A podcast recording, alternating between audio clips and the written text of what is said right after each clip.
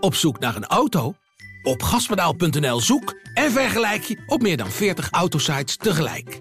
Je zoekt op de grote autoportalen en bij de autodealer om de hoek. Je hebt het grootste aanbod en maakt daarom de beste vergelijking. En zo mis je nooit meer een auto. Zoek en vergelijk op gaspedaal.nl. Dit programma wordt mede mogelijk gemaakt door Campina, trotse partner van NOC NSF.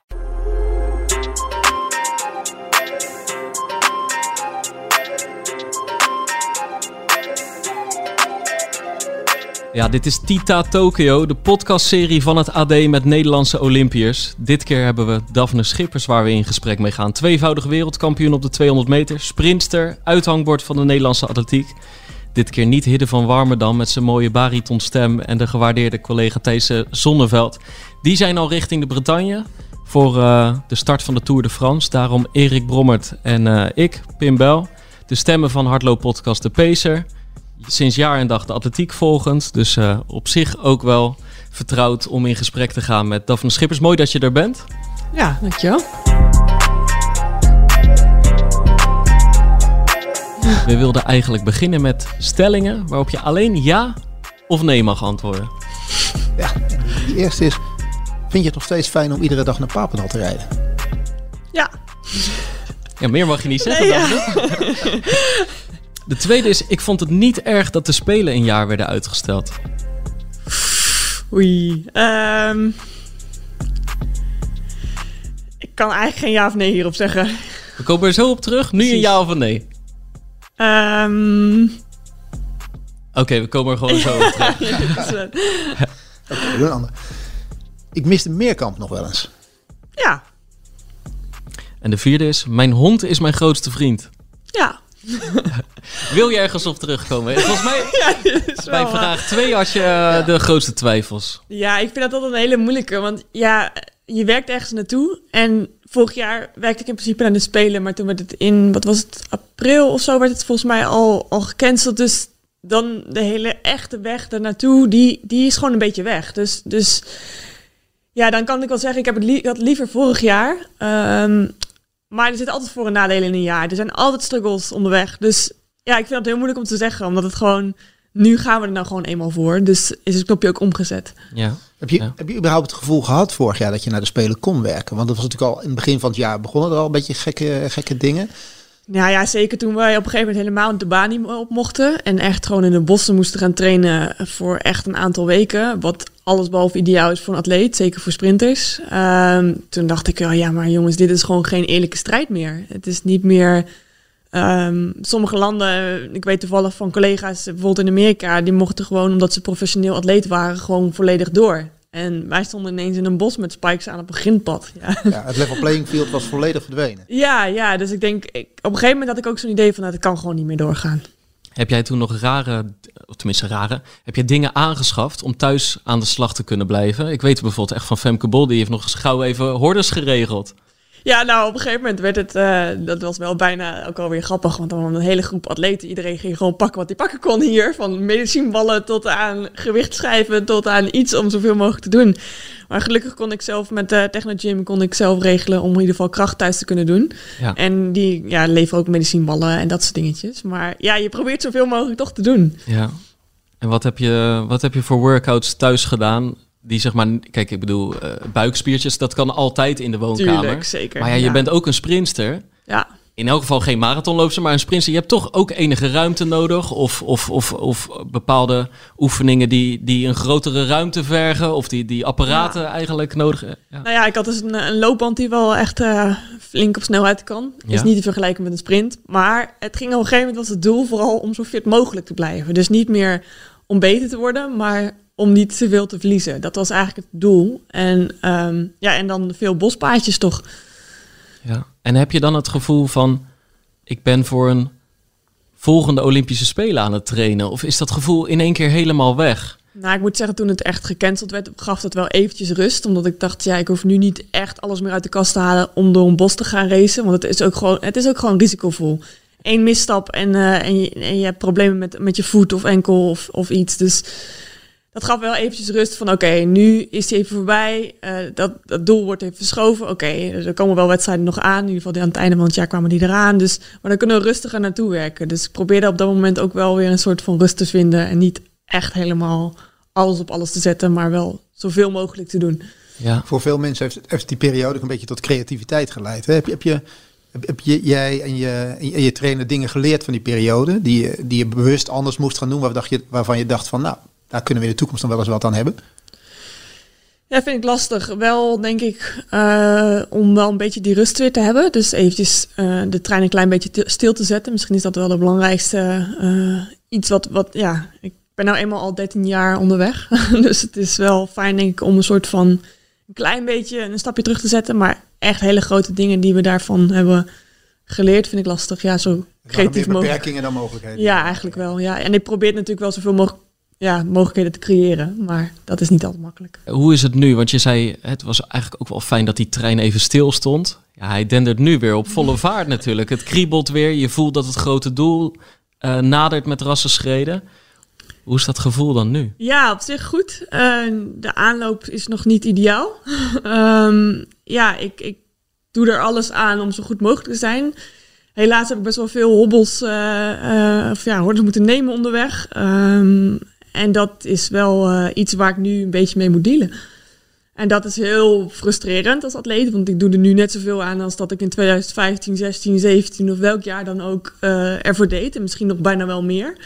Maar um, het lastige is van een atleet, je moet echt 100% zijn. En ben jij 98% of 95%, ja, dan, dan zet je gewoon echt grote stappen terug. En zeker in tijd. En dat, daar merk ik nu wel uh, verschillen in. Dus ik zou er alles aan doen om, om zo hoog mogelijk te eindigen.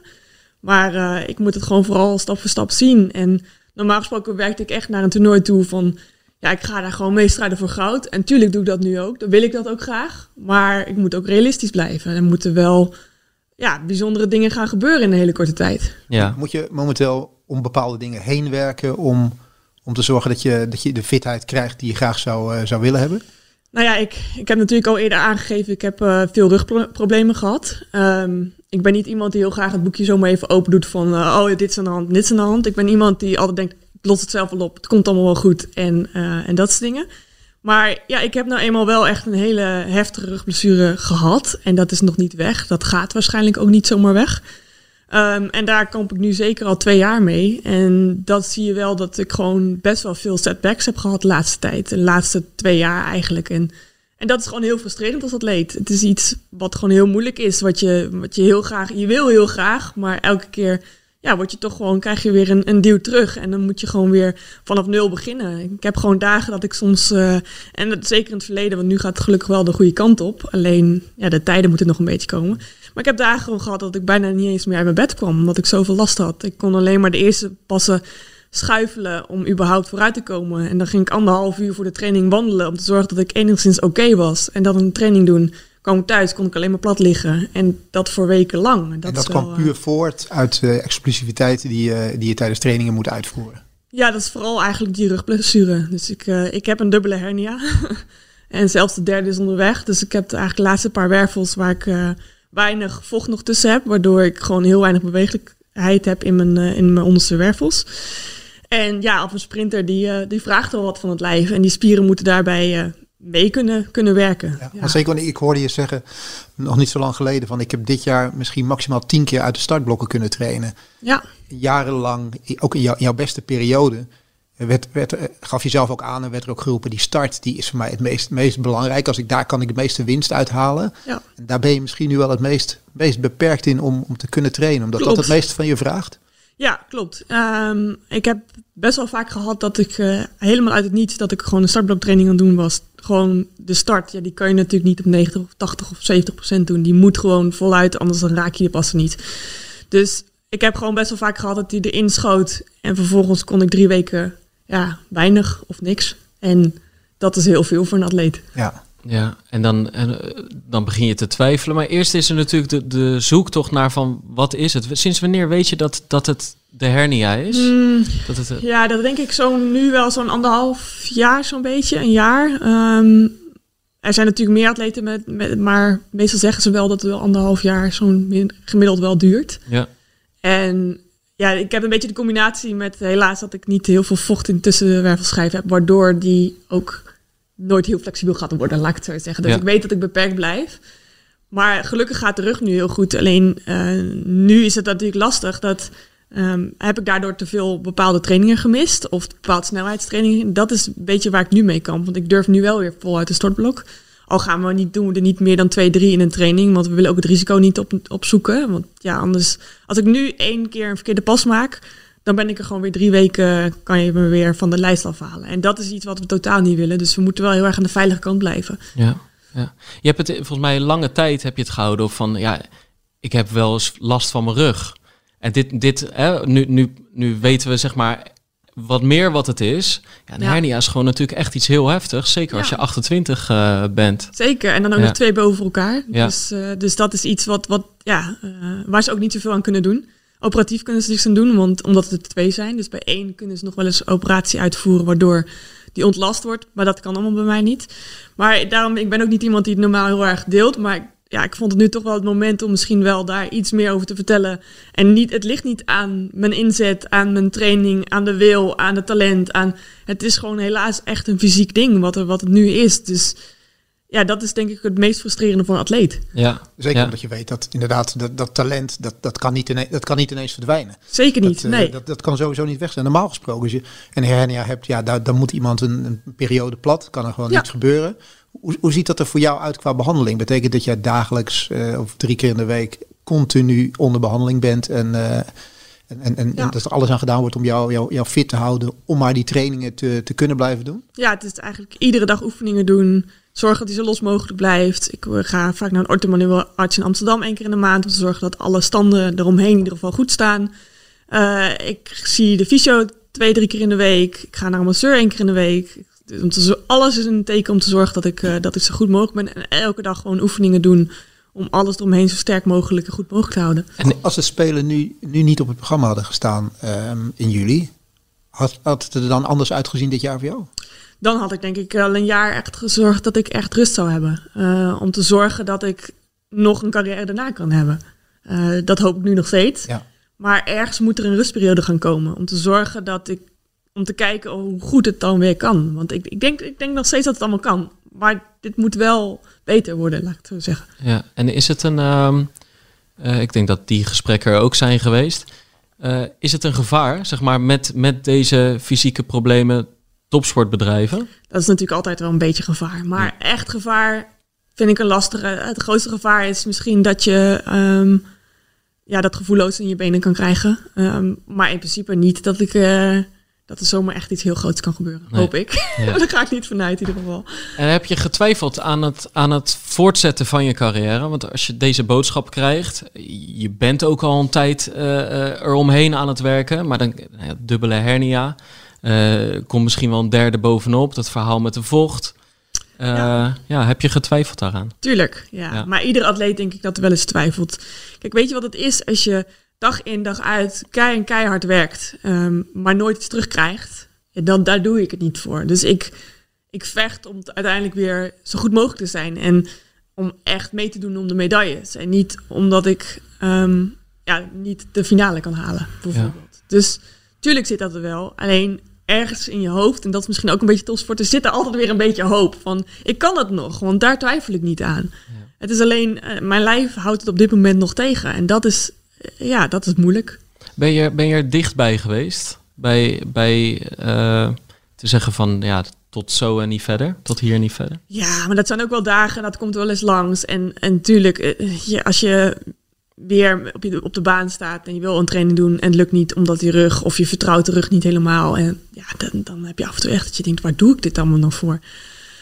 Maar ja, uiteindelijk eh, ben ik ook alweer het type denkt, oké, we gaan er weer voor en we gaan weer door.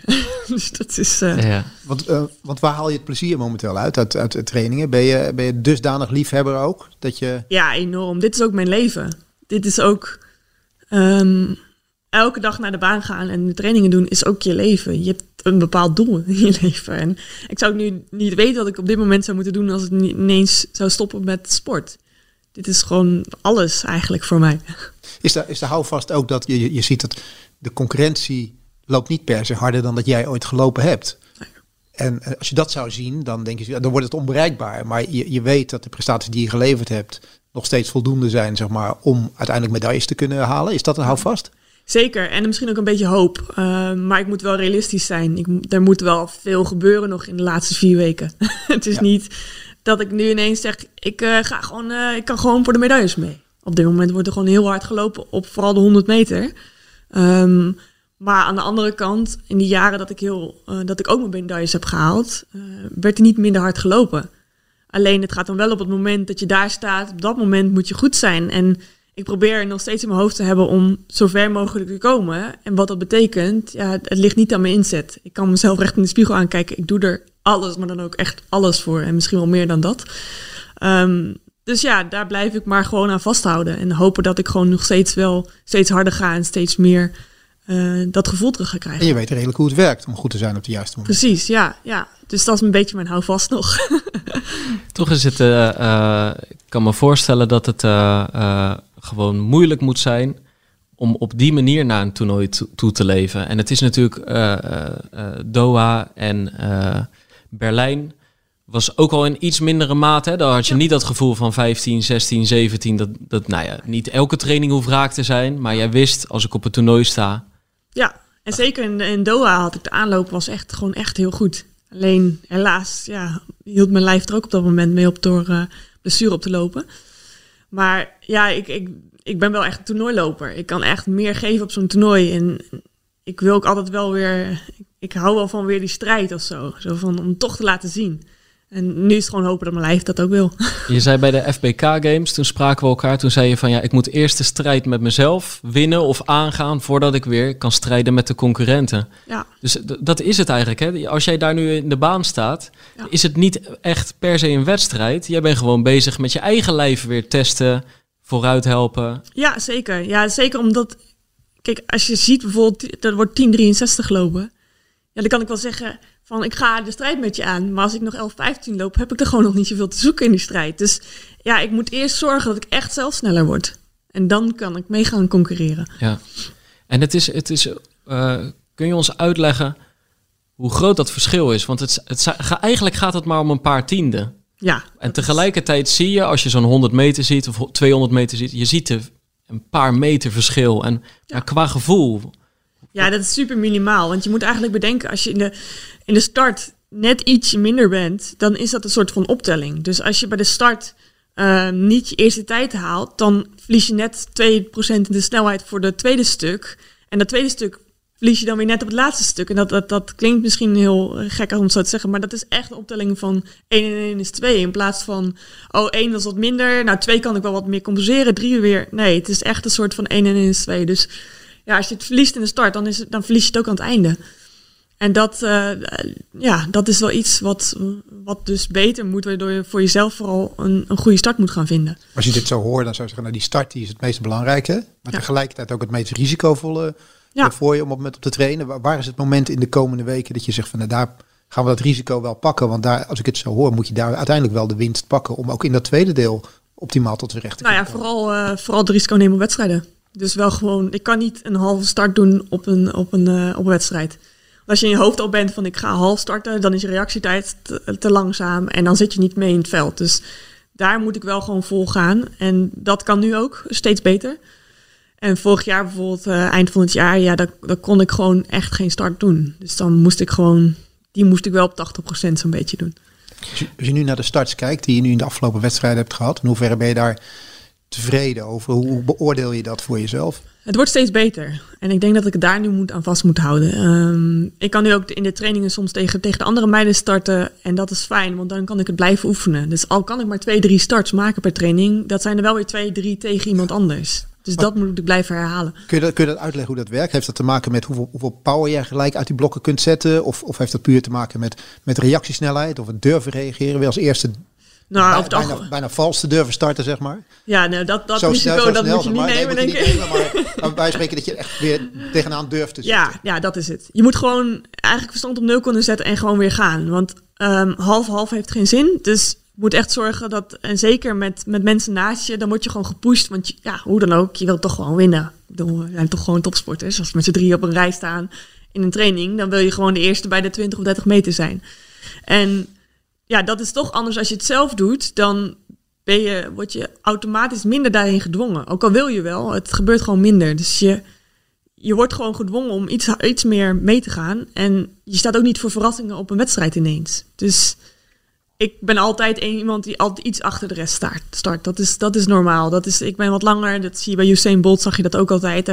Ja, wij moeten onze benen iets meer meenemen. Dat, dat kost tijd, maar onze topsnelheid, als we die wel gewoon goed raken, kunnen we wel op onze topsnelheid net iets hoger liggen. Dus zo moet je het ook wel een beetje zien. Maar eh, het moest wel beter dan de laatste paar wedstrijden. En je zag in Hengelo lukt het wel een keertje wel redelijk. Alleen had ik nog niet zoveel snelheidstrainingen te kunnen doen. En nu langzaamaan probeer ik meer snelheidstrainingen plus de wedstrijden. En dan hoop je daardoor weer eh, wat stappen te kunnen zetten. En in het recente verleden wist jij van... op een gegeven moment komt dat stuk, dan ben ik op topsnelheid en dan pak ik ze. Ja. Dat dat, Ja, dat ja, rotsvaste vertrouwen heb je gewoon. En, de, en eigenlijk wisten de concurrenten dat vaak ook al. Van, ze, komt er straks nog overheen. de mensen op de tribunes wisten het, je ouders wisten het, je coach wist het. Ja, Hoe moeilijk is het nu om aan de start van die wedstrijden te staan en daaraan te twijfelen? Ja, dat, dat is lastig. Maar aan de andere kant, ehm, op dat moment probeer ik natuurlijk die twijfel niet te hebben. Want als ik daar al over twijfel, dan kan ik beter niet starten. Alleen wat ik wel een aantal keer nu heb meegemaakt, en dat komt omdat ik er dus niet zoveel heb kunnen doen, is gewoon, ze zijn te ver weg. En, wat, en dan kan je die tweede turbo zit er wel, maar het is ook weer niet zo'n turbo dat ik er, als ze echt te ver weg zijn. Dus ik moet wel enigszins erbij zijn bij de start. Heb je ze dichtbij nodig dan? Beetje wel, ja. een soort slipstream een beetje. Ja, een beetje wel. Ja, als ze echt te ver voor zitten, dan is dat heel moeilijk. Maar ehm, dat is een kwestie, denk ik, van toch blijven doen. En lu- lukt dat inderdaad om tijdens de wedstrijden wel dat rotsvaste vaste vertrouwen te hebben? Ja, op zich wel. Tot nu toe wel. Ja, ehm, het is gewoon soms balen om, dan, om te voelen dat je er nog niet bij zit. Maar ja, uiteindelijk, eh, hoe hard het ook is, het is wel zoals de realiteit is. Dus ik moet gewoon zorgen dat ik eh, daar dan weer op mezelf blijf focussen. En, en, en ik, dat is heel moeilijk voor mij, want nu kan ik het heel goed vertellen hoor. Maar ik wil ook gewoon winnen. Zo simpel is het. Dat zit in, dat zit in mij. Daar doe ik het voor. En soms is dat een beetje het verstand tegen eh, karakter. Maar ja, het moet wel. Ik, ik, ik kan niet anders dan... Ik moet proberen wel ergens een beetje plezier en, en dingen eruit te halen. En te zorgen dat ik straks zo goed mogelijk ben. En, en ik hoop echt dat, dat, er, dat mijn lijf een beetje meewerkt. En dat ik uiteindelijk wel gewoon echt wel iets oké's neer kan zetten. En ja, om nou te zeggen van ik ga gelijk voor goud. Ja, dat is wel echt eh, lastig, denk ik. Maar ja, eerst moet ik gewoon zorgen als ik de finales ga halen. Dat is al een behoorlijke stap als ik zie waar ik vandaan kom. En dan eh, en in finales heb ik altijd gezegd, daar is alles mogelijk. En daar moet ik gewoon zo goed mogelijk zijn. Dus ik, ik moet het nu echt voor mezelf race voor race zien. En niet al te ver, niet drie stappen vooruit. Vroeger dan kwam ik die rondes wel door en ja, eh, kon ik echt voor de medailles mee strijden. En ik hoop dat ik dat nu ook kan. Maar ik moet gewoon nu eerst alle voorstappen goed doen voordat ik daarbij Ja. kan zijn in mijn hoofd. Het is echt een, echt een groot verschil met eh, eh, Rio. Ja. Toch? Toen je, toen je iedereen, de heel, de heel de sportwereld had verbaasd in Peking. En tuurlijk ga je dan ook niet roepen van ik pak goud. Maar je, je ging echt voor goud en dat durfde je te zeggen. En eigenlijk was zilver een teleurstelling. Hoe gek het ook is als je de tweede s- sprintster ter wereld bent op Ja. het grootste toernooi. Ehm, heb, jij, heb jij toen gedacht van in Tokio ga ik het wel doen?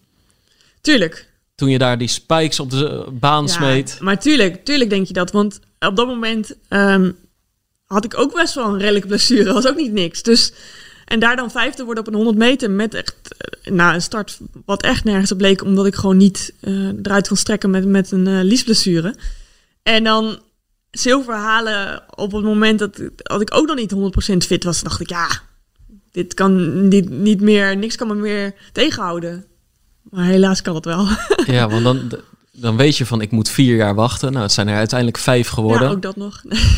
Maar, maar als je jouw zeg maar, carrière bekijkt en hoeveel daarin gebeurd is, dan lijkt het Ja. bijna geen vier of vijf jaar. Dan lijkt het, het, het er, is, er is zoveel gebeurd. Ja, ja, enorm. Het is eigenlijk zo bizar ook soms eh, als je dan weer terugkijkt in, in die jaren. Ik zit al 13 jaar op het allerhoogste niveau. En dat is best wel een gek besef. 13 jaar is echt lang. dat is echt, uh, dus het is echt ook logisch dat het lijf een keertje zegt van, uh, we kunnen niet alleen maar in één lijn door. Maar uh, ja, dit is, ja, hoe dan ook heb ik een geweldige carrière al erop zitten. Maar ik hoop echt nog steeds dat, dat ik ook nog een beetje beloond word voor de harde werken van de laatste jaren, waar het misschien niet allemaal helemaal lukte. Ja. Wat is er in die, in die uh, want vanaf 2017 word je gewoon nog wereldkampioen. Werkte je met Reina Ryder nog samen? Werd je ja. wereldkampioen op de 200 meter, prologeer je die titel. Toch uh, klonk daar af en toe al het geluid van ik moet die souplesse, ik moet die ontspanning ja. weer terugvinden. Daar ja. begon eigenlijk die zoektocht. Maar ik, um, ik heb altijd het gevoel gehouden alsof die zoektocht nooit helemaal uh, weer tot het juiste is, is gekomen. Ja, eigenlijk... dat, dat, dat, dat lijkt ook zo. Dat de natuur is wat, wat lastiger daarin geworden. Ik ben behoorlijk overtraind geweest daarna, um, na 2017. En dat lijkt wel wat veranderd te hebben. Ja, dat er is wat minder. Ik, vroeger deed ik gewoon een loopje en dan hoefde ik niet over na te denken. Dan, dat, mijn paslengte was mijn paslengte. En de kracht die ik terugkreeg was gewoon 100% mijn nature. Maar als je daar twee jaar compleet aan hebt gewerkt, dat dat veel korter is, veel krachtiger is, veel, dan is het natuurlijk heel moeilijk om weer. Wat is nog mijn nature? Ik, dat is dan ineens zoeken naar waar dat eigenlijk ligt. Ja. Ja, en waar zat die overtraindheid hem in? Hebben jullie de oorzaak gevonden? Um, nee, het is eigenlijk denk ik ook gewoon, ook, ook, ik ben dat weer. Um, op een moment, zoals na 2015 is natuurlijk de hele wereld binnengekomen. Alles was anders, alles was nieuw. Ik heb daar op een gegeven moment best wel wat meer moeite mee gehad qua, um, ik was altijd voor mijn gevoel een beetje overprikkeld. Klinkt misschien een beetje gek, maar ik heb gewoon best wel wat slechter in mijn vel gezeten een tijdje. En ik ben dan iemand die op de baan, denk ik nergens aan, geef ik alles. En is het eigenlijk heel fijn om die pijn een beetje te voelen. En dat is typisch een topatleet misschien. Um, weglopen voor je problemen door gewoon keihard te trainen. En meer en meer en nog harder en nog meer en nog harder. En, nog, en dan, ja, op dat moment heb je dat niet zo door. En als je dan wel op dat moment een beetje coach heeft, hebt die daarin meegaat. Die denkt, oh ja, want Bart is natuurlijk veel voorzichtiger. Die is veel... Uh, die moest me echt best wel vaak remmen. En, en als je een coach hebt die daar wel le lekker een beetje wat meer achter zit, um, ja, dan is dat ook een soort van combinatie, denk ik. Dus, dus ja. op, op, op dat moment uh, uh, was hij niet de juiste coach voor jou? Achteraf, achteraf, achteraf gezien? Ja, achteraf misschien niet. Nee, Ja. nee. Je geeft, geeft net aan dat je was ook overprikkeld een beetje in die, in die periode. Had je, een beetje, je had natuurlijk ook een enorme status in één keer gekregen. Hè? Je Ja. was een symbool naar buiten toe. Eh, alle billboards van, eh, van Nike die gingen vol met, eh, met, met, met, met, met, jouw gezicht erop. Vond je, dat, vond je dat een prettige situatie? Tenminste, naar mijn gevoel straalde je niet altijd uit dat je daar nou eens even enorm van genoot. Nee, eigenlijk, ja, ik, ik ben zelf iemand die heel erg op de achtergrond zit, liefst is. En ehm, daarom bedoel ik ook met, met net wat, dat ik zei van ik doe niet zo gauw een boekje over, open van dit is er aan de hand en dit, ik gooi niet zo gauw op tafel. Ehm, ik ben altijd iemand geweest die denkt ik los het allemaal zelf op, ik doe het allemaal wel en ik regel het allemaal wel. Dus dat dacht ik in deze situatie ook en dat kwam wel harder binnen dan, dan ik dacht misschien. Ja, en dan, en dan vlucht je eigenlijk door de pijn op te zoeken. Ja, een beetje wel. Ja. Ja. Ja, want op de baan dan kan ik al- verstand op nul en gewoon gaan. En dat is, er is geen lekkerder gevoel dan dat. Alleen, ja, op den duur was het iets lastiger. Ja, je raakte gewoon een beetje bij jezelf vandaan eigenlijk. Je, je, je eigen natuur, een beetje, verliet je daardoor een beetje? Ja, wel ook omdat we technische dingen gingen veranderen. Omdat ehm, dat is misschien een beetje het verschil in Europese coaches en Amerikaanse coaches. Ik denk dat je daar in grove lijnen wel een beetje de verschillende dingen kan zien. Is eh, in Europa kijken we heel erg naar dit is de atleet. En die moeten we ehm, beter maken. En door, door heel erg in de natuur te blijven. Dus te zorgen van oké, die maakt grote passen. Dat is, dat is de, het talent. En daar moeten we uit doorbouwen. In Amerika heb je veel meer dit is het ideaalplaatje en dat willen we nastreven. Ehm, en ik denk dat die Europese variant, ook omdat ik dat natuurlijk gewend ben, dat dat veel meer bij mij past dan in een soort van plaatje te gaan proppen, want dat ben ik helemaal niet. Ik ben niet eh, een, nou noem het naam maar, maar je kan mij daar niet in mee vergelijken. En ik denk dat dat in Amerika net iets meer wel gebeurt. Je hebt het over, eh, je wil natuurlijk als topsporter wil je natuurlijk altijd beter worden. Ja. Je, je, zit op, je zit op een niveau dat je op een gegeven moment die 21-63 loopt. Dat ge- geven we net ook aan van, er wordt momenteel eigenlijk niet eens zo heel veel harder gelopen als dat jij toen gelopen hebt. Is het, is het streven naar, naar beter worden dan dat, Is, is dat eh, de goede insteek geweest? Of had het achteraf gezien, zit je op een bepaald niveau, het langer dit niveau vast kunnen houden voor de komende jaren om internationaal die medailles te halen, had misschien ook voldoende geweest? Ja, dat is natuurlijk Dus heel erg. wat, wat is beter worden op dat Nou ja, dat is, op, dat is heel erg achteraf natuurlijk. Nee, Eh, het is op dat moment kies je ervoor om beter te worden. Maar is, want- is, beter, is beter altijd sneller? Of is beter... Nou ja, je hoopt door te kiezen voor beter worden, door eh, bepaalde keuzes te maken, dat je harder gaat lopen. Je, ik denk dat er geen topsporter is die denkt, ah, dit is wel, deze tijd is wel prima, hier houden we het bij. Ik denk dat er altijd wil je daaronder. Ja, nou ben ik, ben ik helemaal met je, met je eens. Maar als je nu zeg maar kijkt, weet je, het is nog steeds eh, een van de beste tijden ooit, ooit gelopen. Je ziet dat die, die progressie in de sprint is altijd echt maar heel minimaal. Die zoek, die zoek Ja. je ook op. Ehm, als, ik, als ik zou kijken, als je, als je dit niveau maar al die jaren gewoon eh, zou hebben kunnen, kunnen lopen, dan had dat eigenlijk altijd voor, altijd voor medailles had dat, had dat gezorgd. Dus het is meer de vraag van, is, is, in, is het in de sprint beter worden? Is dat sneller worden als je misschien je top bereikt hebt? Of is het misschien van, oké, als ik dit kan continueren, omdat het zoveel van mijn lijf vraagt, is dat misschien ook al wel beter worden? Ja, misschien achteraf. Alleen dat is, het, dat is echt allemaal achteraf. En ik heb natuurlijk ook een aantal jaren echt wel goede tijden gelopen. Ik liep ook gewoon een aantal jaar elke keer 22 rond of Ja, net ja. eronder. Dus het is ook niet een kwestie van ik heb één uitschieter gehad en voor de rest nooit meer. Ik ben wel een aantal Nee, het was jaar. continu, hè? Een Ja. aantal jaar heb ik, ben ik continu goed geweest. En, eh, en ja, daarna is dat wat minder geworden. Ja, dat- daar vecht ik nog steeds voor om, om terug te komen. Het is misschien moeilijk om, om, te om te zeggen of te praten over je vorige coach, maar heb, heb je er spijt van gehad? Dat je uiteindelijk die keuze hebt gemaakt om van Bart Bennema naar eh Reina Ryder te gaan? Eh, ergens wel, ergens niet. Op dat moment leek het de beste keus. Ehm, omdat je, ehm, nou ja, precies waar we het net over hadden, je wil beter worden. En op dat moment werkte ik met Bart al zo lang, we werkten al acht jaar samen. Eh, hij kwam van de Meerkamp. En we krijgen een Amerikaan die hoort alle mogelijke sprintkennis. Die had echt een lijst van medailles die hij ooit gehaald had op het wereldniveau. Ja, dat was ongelooflijk. Dus op dat moment was het zo logisch om te zeggen: oké, we maken de stap naar een echte sprintcoach, een wereldcoach. En ja, daar zeg je niet zo gauw nee tegen. En het is natuurlijk heel moeilijk, want je weet niet wat er was gebeurd als ik bij Bart was gebleven. Op dat moment was het ook gewoon een beetje op. Ehm, dus het is uiteindelijk allemaal een logische keuze. En achteraf, als ik nu allemaal terug zou kunnen draaien, ja, dan had ik misschien andere keuzes gemaakt. Maar Ja. op dat moment was het eigenlijk de keuze om nog beter te worden, nog sneller te worden. En te zorgen dat ik nog tien jaar 21-6 liep. Maar dat, dat is gewoon niet reëel altijd.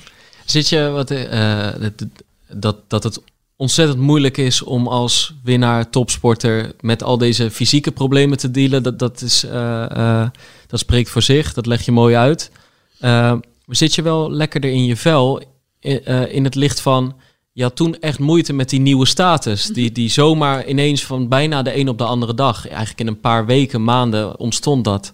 Ja, ik Eh, voel me nu wel echt veel beter. Ja, wel, ja, ja, Ja. ik heb veel meer de weg gevonden daarin. En eh, ja, ik, ik merk dat er gewoon veel minder me echt in de weg kan zitten om, om wel gewoon blij te zijn en te doen ja, wat ik leuk vind.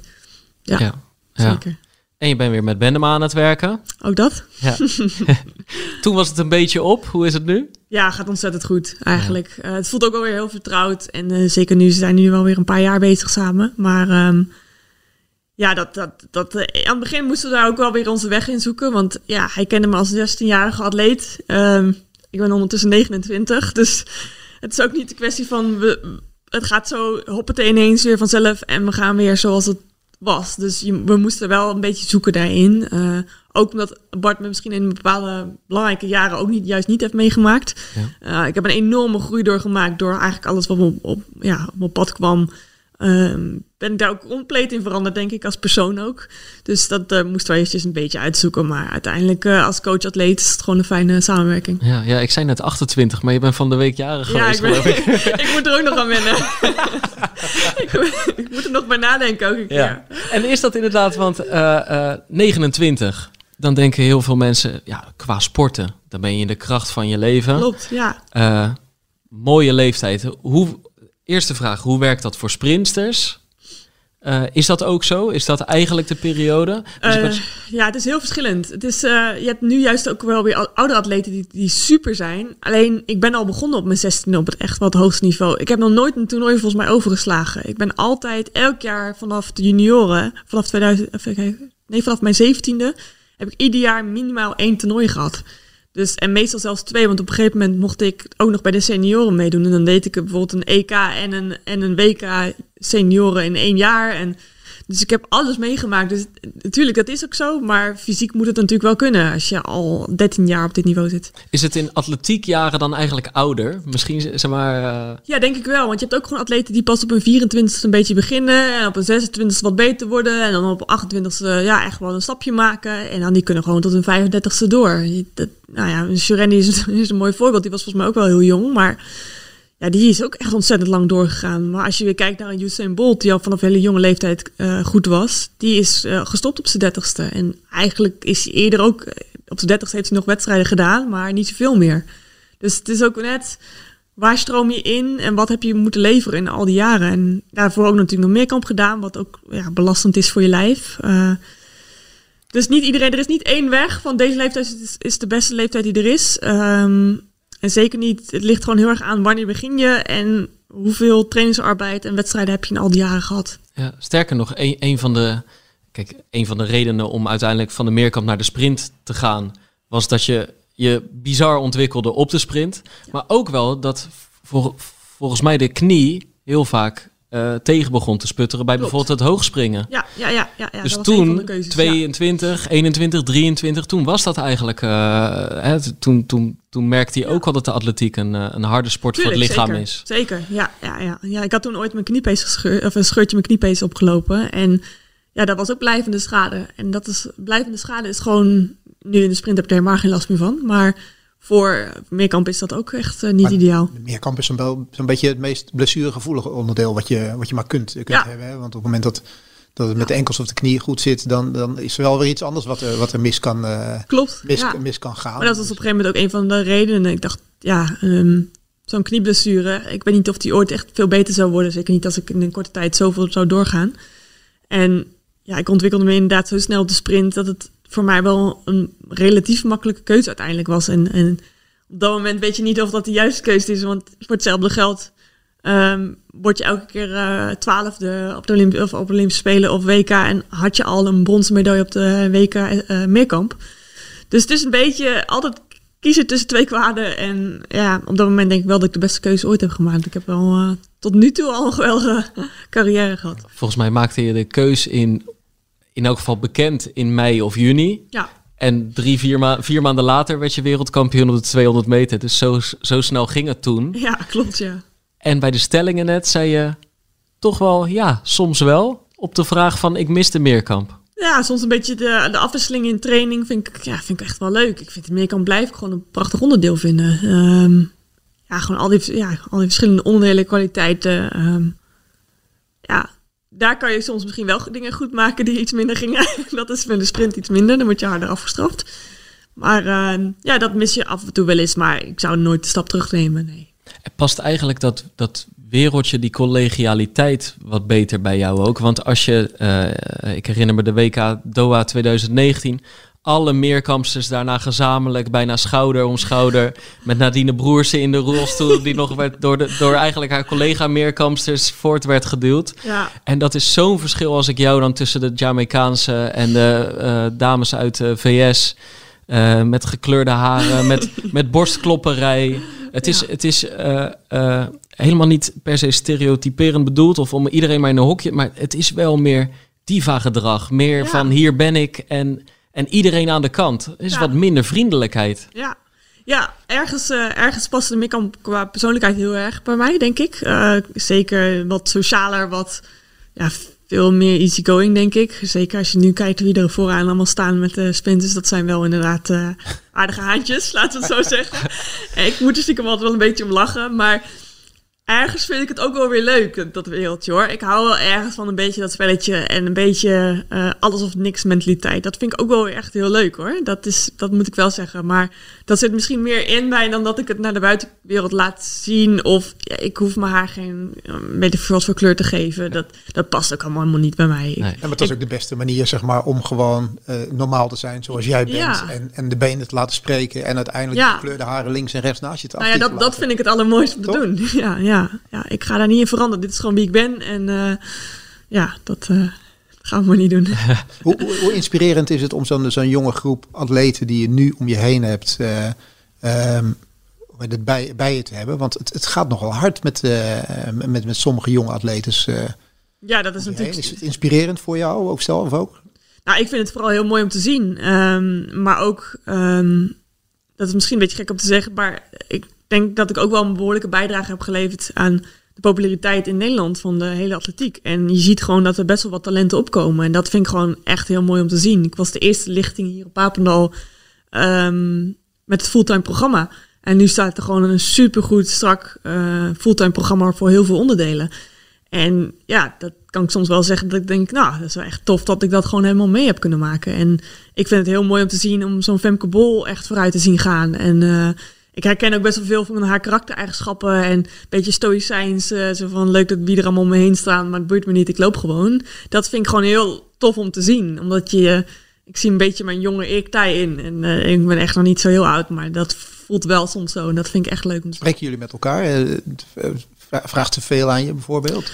Ik heb altijd gezegd, wat er ook is, als er iets is, of weet je, kom altijd naar me toe. Altijd welkom.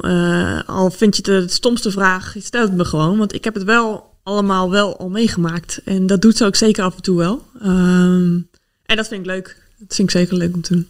Heb je het gevoel dat, dat de eh, last of druk op jouw schouders of, of de aandacht al iets meer verdeeld wordt en, en daardoor de druk iets verlicht wordt, omdat er inmiddels naar meerdere personen wordt gekeken? Zeker, maar dat vind ik ook mooi, want het het betekent dat de sport ook goed gaat. Ik vind het soms wel ehm, wat lastiger om dingen te lezen. Dat ik denk dat ik volledig een soort van mijn gevoel bijna afgeschreven word. Terwijl ik denk, nou jongens, ik, ja, ik heb wel een serieuze lijst staan wat ik ooit heb gehaald. En ik weet dat je zo goed bent als je laatste prestatie. Maar dat gaat in de media in Nederland wel wat anders dan in de media in de, in de wereld.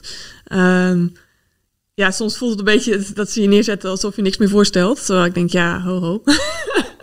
ik heb wel een aardig lijstje staan en dan moeten anderen eerst maar halen. Weet je, dat, Ja. is, eh, dat, is, dat is niet zomaar een lijstje die nu tien talenten gaan, eh, gaan halen. Dat is gewoon zo. En eh, ik hoop het wel ergens, want ik vind het heel tof om te zien dat mensen vooruit gaan. Maar eh, dat is soms wel wat lastiger daarin. Dus ik vind het heel tof om te zien dat ze, dat ze vooruit gaan en dat aandacht verdeeld wordt. Helemaal, helemaal eens. Zeker als je kijkt naar een Femke Bol die gewoon echt goed vooruit gaat.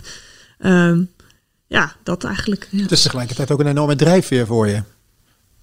Ja, ja, ja, ergens wel. Ja, ik ben er verder niet heel erg mee bezig, behalve dat ik probeer zoveel, zelf zo goed mogelijk weer te worden of te zijn. En ehm, ja, ik kan wel genieten van andere, andermans prestaties, ja. Zij krijgt nu eigenlijk de vragen die jij toen voor 2016 kreeg. Hè? Van kan het goud?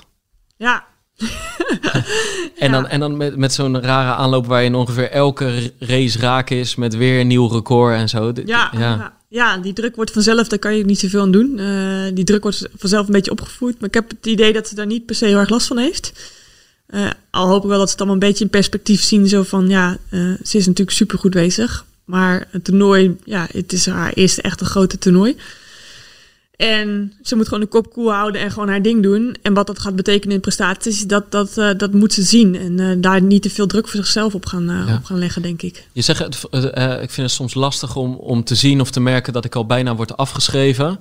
Eh, ehm, tegelijkertijd, voor mijn gevoel, vertel je nu pas echt helemaal wat er aan de hand is. Nou, maar daarom dacht ik, misschien moet ik Ja. dat een keertje doen. Ja, Misschien is het een keer tijd om gewoon te vertellen hoe het zit. Alleen, ehm, nou ja, een mooi voorbeeld is, ik heb ooit een keertje, ik, ik kan me niet eens meer herinneren waar het over ging, maar vol- volgens mij heb ik ooit een keertje iets opgegooid toen aan het begin van, eh, van eh, toen het een beetje begon met die rug. En ik had volgens mij een keertje in de pers inderdaad stond een keer een artikel en dan dat ik wat last van de rug had.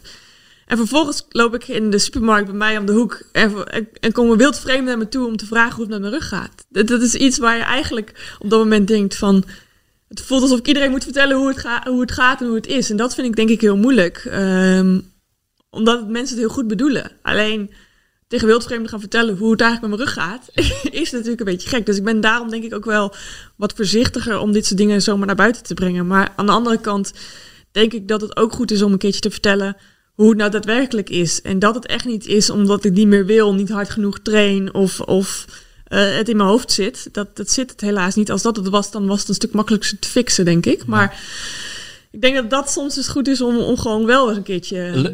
Lucht het op? Lucht het op om het Ehm. nu, nu toch eh, te ja, vertellen? ik- weet je, het is, geen, het is zeker geen geheim. Integendeel zelfs. Ehm, ik had het ook liever anders gezien. Maar ik blijf strijden. En ik heb eerder denk ik de support nodig van mensen om me heen. En dan dat het alleen maar is ja, weer niet hè. Ja, weer niet hè. Ja, nee, ik weet dat het weer niet is. Ik weet dat het niet allemaal perfect is. En ik wil alles eraan doen om wel weer goed te zijn. Waarom, waarom is het zo lastig om het, om het te vertellen? Ik snap dat je als, als sporter de trots hebt. Die je ik wil, ik wil naar de buitenwereld, wil ik kracht en wil, ik- wil ik uitstralen dat ik, dat, ik, dat ik goed ben. En ik wil het niet in excuses zoeken.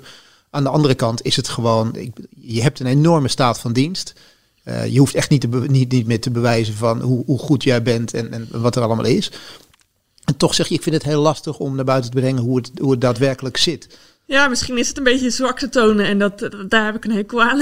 ik wil het niet op allerlei, eh, ja, ik weet niet ik, het- hoe, ik moet uitleggen, maar ik wil niet tijd laten zien van, ja, maar dit was niet goed, want ik heb dit. Dit was niet goed, want het is dat. Het is, eh, mensen hebben daar niet zoveel aan om, want die, die denken snel dat het smoesjes zijn, maar dit is helaas een keer echt niet zo. dit is gewoon eh, harde feiten. En ehm, ik zou er alles aan doen om beter te worden. En ik denk dat dat misschien een keer goed is om, om daar een open kaart te spelen. eh, in plaats van alles maar bij mezelf te houden. Ja, want ju- juist zeg maar, ik bedoel, eh, je hebt het over smoesjes. Nee, het gaat over een hernia. Ja, En je, het Ja. gaat over, over nog steeds, zelfs als jij een tegenvallende race loopt, loop je met een snelheid. Daar, Ja. daar komt eigenlijk nog geen andere Nederlandse aan. nee, maar ik Nog denk steeds dat, niet. Nee, nee, dat klopt. Maar ik denk dat dat misschien ook eh, enorm onderschat wordt. Omdat in de, in, de, in, de, in de pers of zo bijvoorbeeld zaten, ja, teleurstellend dit. Terwijl ik denk, ja, je zou maar eens mee moeten lopen. Ik bedoel, ik zit nu van, het is niet optimaal, maar dat, het is 95% en nu op dit moment nog geen 100%. En ik denk dat dat is voor de buitenwereld een mega grote stap, terwijl eigenlijk lopen nog ontzettend hard. Maar als ik voor mezelf praat, eh, ik heb jou gevolgd sinds eh, eh, ongeveer 2015. Ik was er nog niet bij op het WK en niet bij op de Spelen, maar bijvoorbeeld wel toen je die keuze voor de sprint maakte in 2015, heb je bijna op elk toernooi daarna gezien, op veel wedstrijden. Kijk, wij hebben dan, of, of ik heb het dan ook over teleurstellend, omdat jij het eigenlijk ook over teleurstellend hebt. Want jij Ja. bent niet blij als je eh, Nee. eh, ehm, eh, vierde wordt op de FBK Games. Jij bent niet blij als, als je Dina Escher-Smith naar goud ziet lopen op het EK. Het is gewoon... het is niet dat, het, dat, wij, dat ik dan vind dat jij niet snel hebt gelopen.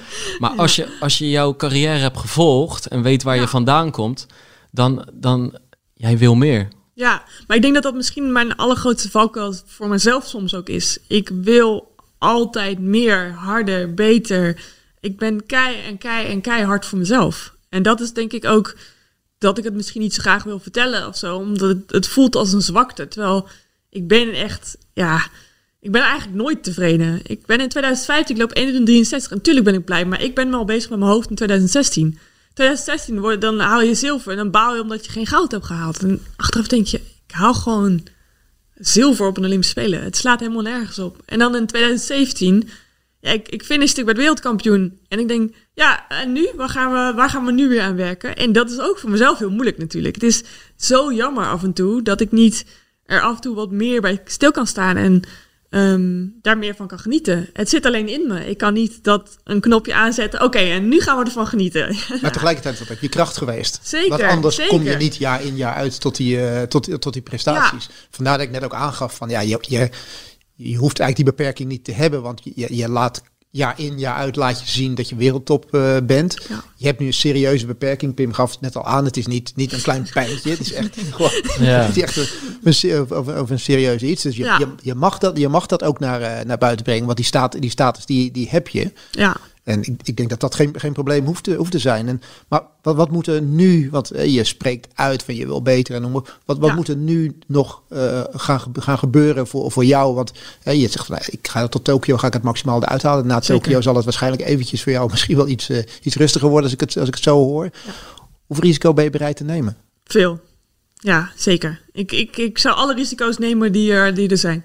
Als dat, als dat maakt dat ik beter word, dan, dan moet dat alleen.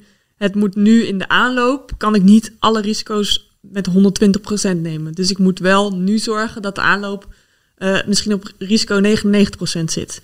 Omdat eh, als ik nu bijvoorbeeld het schieten vol in, dan ben ik klaar voor drie, eh, dan ben ik gewoon drie weken licht eruit en over vier weken begin te spelen. Dus ik moet zoveel mogelijk risico nemen, maar wel net even aan de goede kant, hopelijk. Uh, maar dat wil niet zeggen, het gaat de laatste tijd, lukt het steeds vaker om uit blok te gaan. Lukt steeds beter om snelheid te maken. En dat moet ik nu gewoon blijven doen. Dat is ook het enige wat ik nu kan doen, is gewoon nu zorgen dat ik zoveel mogelijk in de trainingen erin gooi wat, wat, wat mogelijk maakt en wat me beter maakt. En dan moet ik daarna gewoon stappen gaan maken. Wat, wat gaat dat betekenen?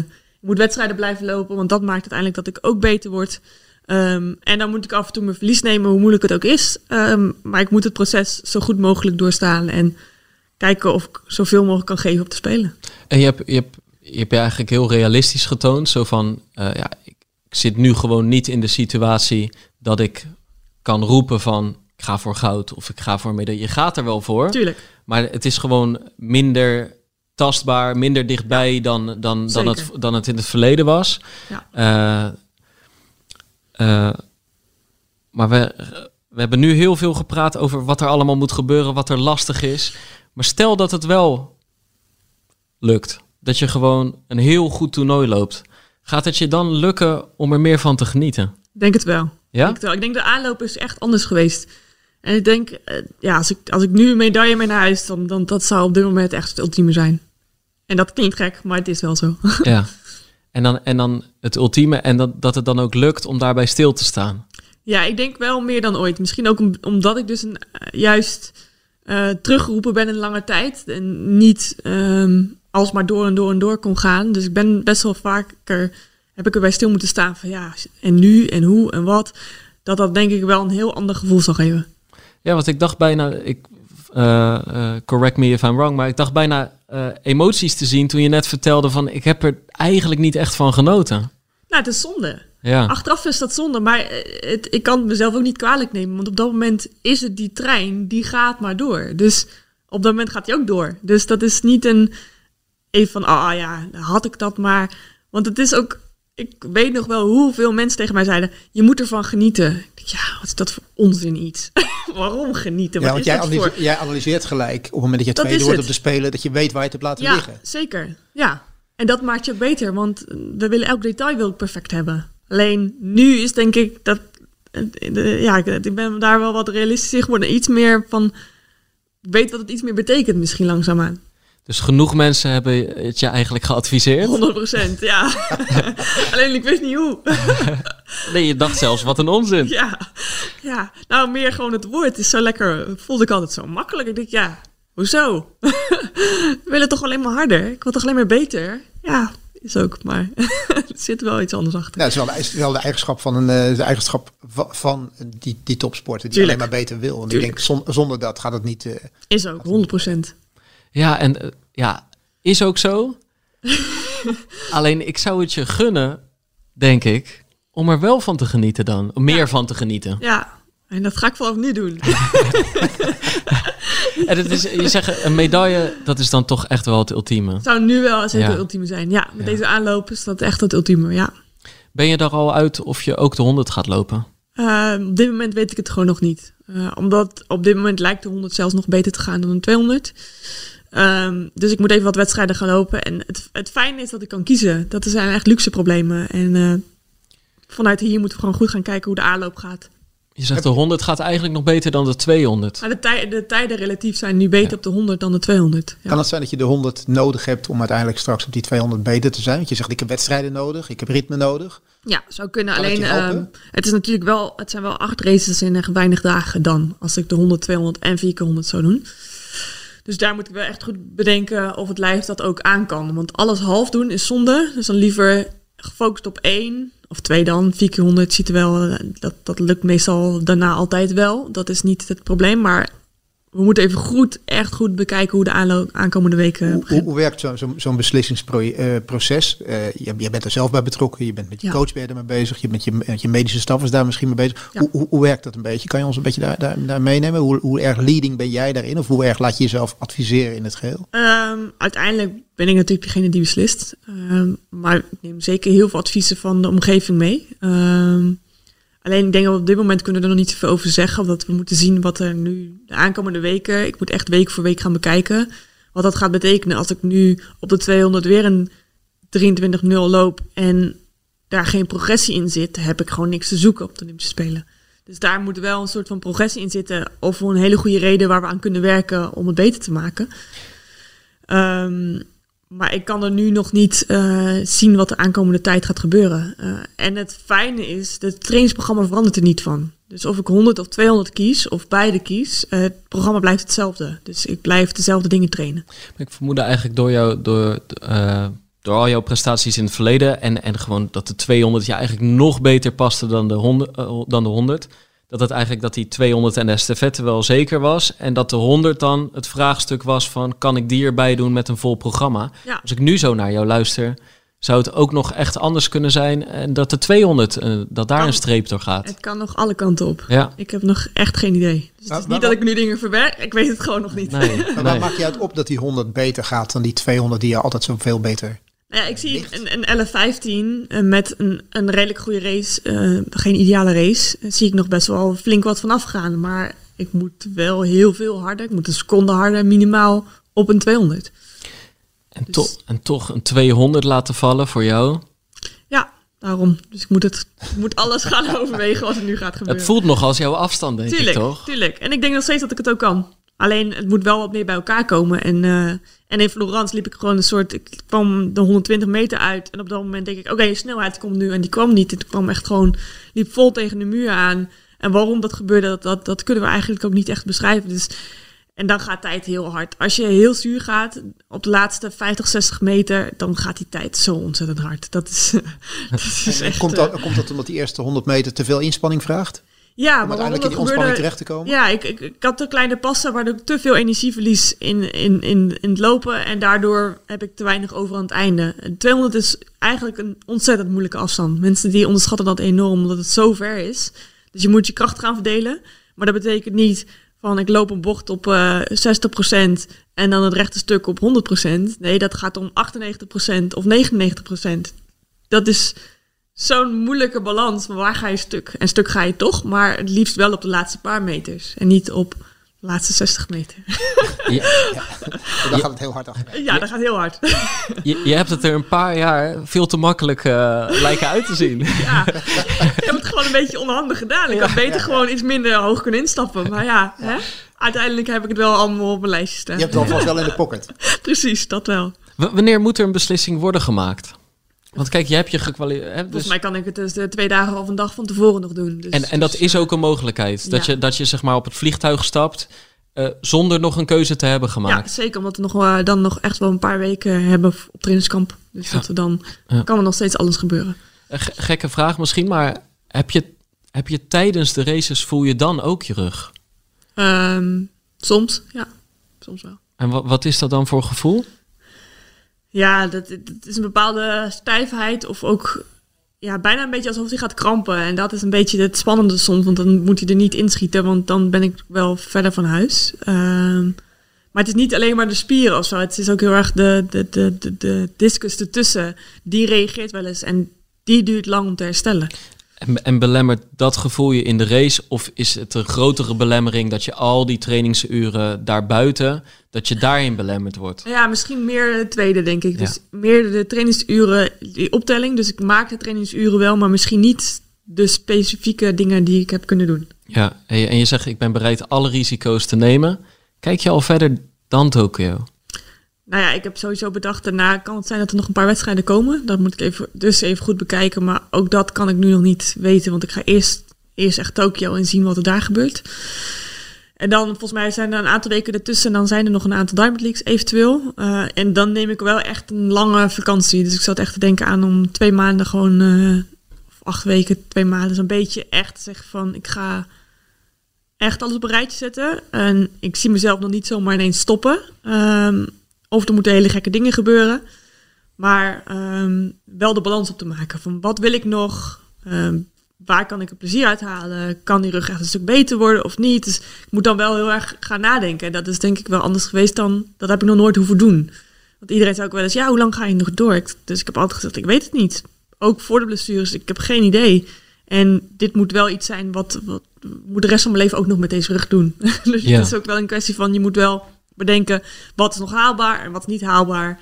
En ehm, die balans moet opgemaakt worden. En die balans ga je, ga je dan pas opmaken natuurlijk. Maar ik denk dat je hebt je ergens heb je er wel misschien al een idee bij. Want je zegt bijvoorbeeld ook al, ik zie mezelf eigenlijk nog niet stoppen.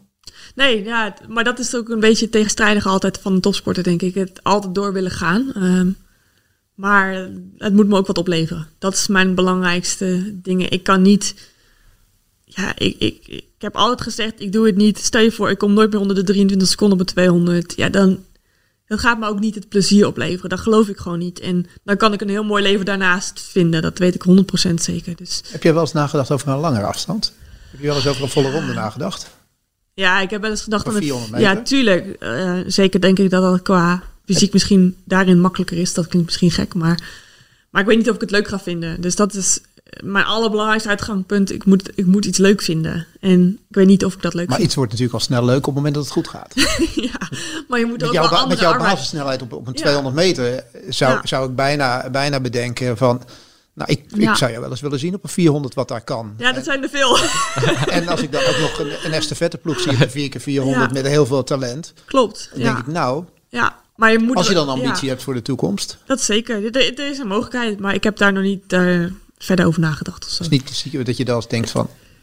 Ik wil, het, ik wil dat zelf ook wel eens. Of is het, is het voor een Ja. sprinter nog steeds oh, bijna lange afstand lopen? Het is 400. hoor. Het is, een vier keer marathon. het is een vier keer een 100 en twee keer een 200. Ja, wij praten ver. heel vaak over marathons met elkaar. Dan denk ik, ja, 400 meter. Maar ik weet bijvoorbeeld, Robert Lathouwer is zo'n voor, een, een, een voorbeeld die van Ja. 200, 400 kwam. Ja. En als ik daar wel eens met hem sprak over 800 meter, dan zei hij, ik word al moe bij de gedachte dat Ja. ik eraan denk. En, in- in jouw geval zou ik me dat op een 400 ook kunnen voorstellen. Maar tegelijkertijd denk ik, nou, Ja, met de, met de problemen die, die er zijn. En, en, en je zegt, het nou, zou wel eh, qua fysiek misschien beter eh, zijn voor mijn lijf. Maar of ik het ik moet het ook leuk vinden, want je moet elke dag daarvoor kunnen vechten. En dat moet je wel doen omdat je het leuk vindt.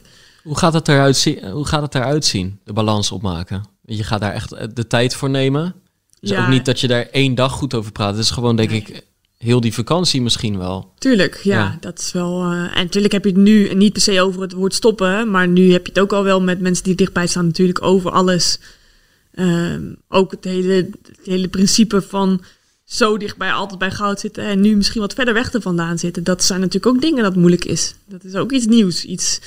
ehm, ja, niet comfortabel, laat ik het zo zeggen. Ja. Vind je daar al iets beter je weg in? Ja, steeds beter, steeds beter. Ja, en tuurlijk, ik ben live nog steeds die, die gretige die het gewoon heel graag wil.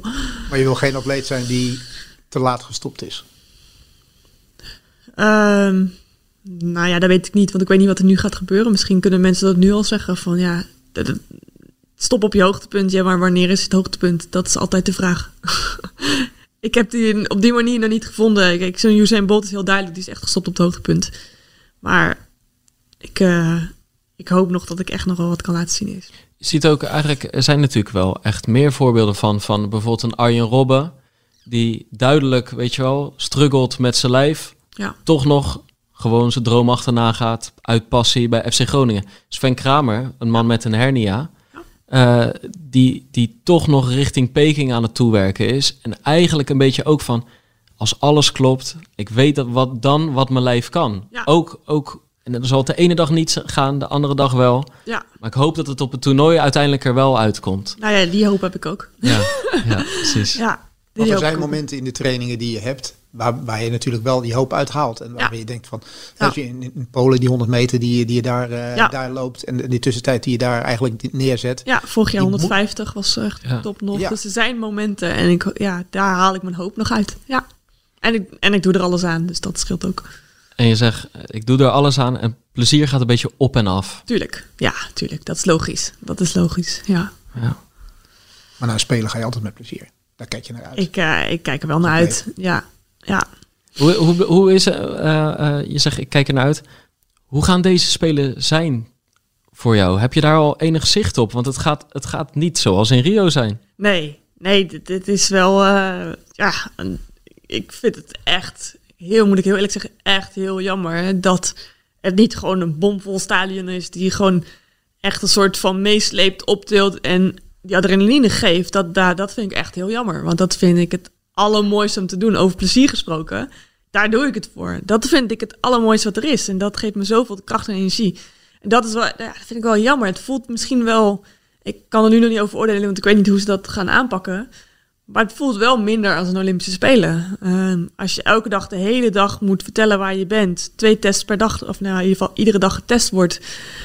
Het is wel, je bent echt met allerlei randzaken moet je je bezighouden waar je eigenlijk helemaal geen zin in hebt. Dat is wel, het wordt echt anders. Dat wordt echt anders.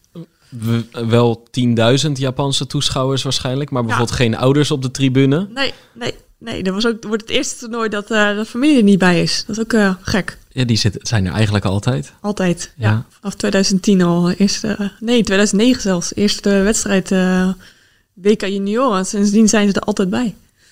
Ja. Maar ja, daar kunnen we niks aan doen. Nee. Als ze de keuze hadden, hadden ze er zeker gezeten. Ja, ja, ja. ja. Ja. Oké, dus eh, er komt volgens mij een hele spannende periode aan gewoon. Ja, ja. Maar eh, ben dat op zich wel gewend dat het niet altijd helemaal vlekkeloos loopt, zou ik zo zeggen. Ja, ja. Dankjewel voor je openheid, Yes. voor het gesprek. Eh, blijf deze podcastserie volgen, zou ik tegen alle luisteraars willen zeggen. Blijf Daphne Schippers volgen, want eh, ze gaat gewoon op meerdere afstanden volgens mij eh, in actie komen. De keuze moet ook nog een beetje gemaakt worden. Maar we zijn reuze benieuwd. Dankjewel. Yes, geen dank. Eh, dus blijf luisteren naar Tita Tokyo. Erik Brommert bedankt voor het, eh, voor, ja, eigenlijk eh, voor, voor, het, voor de invalbeurt. ja, Thijs Zonneveld die kan gewoon in Frankrijk blijven, Ja. denk ik. Ja, ja ik, ik ga rustig op de bank zitten. En als je me nodig hebt, dan weet je me te vinden. Ja, heel goed. Dank voor het luisteren. Dit programma werd mede mogelijk gemaakt door Campina, trotse partner van NOC NSF. We worden dagelijks overladen met overbodige informatie. En het is moeilijk de zin van de onzin te scheiden. Daarom vertrouw ik op echte journalisten in plaats van meningen. Een krantenmens heeft het gemakkelijk. Word ook een krantenmens en lees je favoriete krant nu tot al zes weken gratis. Ga snel naar krant.nl. Bezorging stopt automatisch en op deze actie zijn actievoorwaarden van toepassing.